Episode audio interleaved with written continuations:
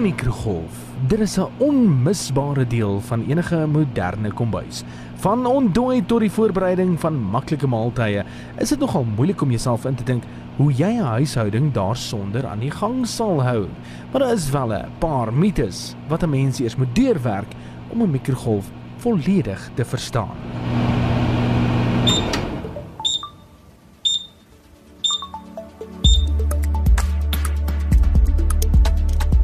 Daar is diegene wat jou wil laat glo dat die mikrogolf kos minder voedsaam maak. Nou dit is waar dat sekere voedingsstowwe soos Vitamiene C afgebreek word wanneer dit aan hitte blootgestel word. Maar volgens Harvard Health verduidelik hulle dat die mikrogolwe eintlik beter as ander gaarmaakmetodes is om voedingsstowwe te preserveer danksy die kort gaarmaaktyd. Hulle verduidelik dat wat groente betref, baie van die voedingswaarde verlore gaan omdat dit in die kookwater dan uitlek. Veroorsaak mikrogolwe kanker? Volgens die Amerikaanse Kankervereniging gebruik mikrogolwe nie X-strale of gamma-strale nie en maak kos dus nie radioaktief nie.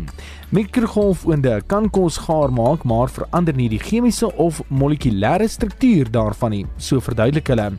Die organisasie verseker mense dat mikrogolwe geen gesondheidsrisiko inhou as dit volgens die instruksies gebruik word nie.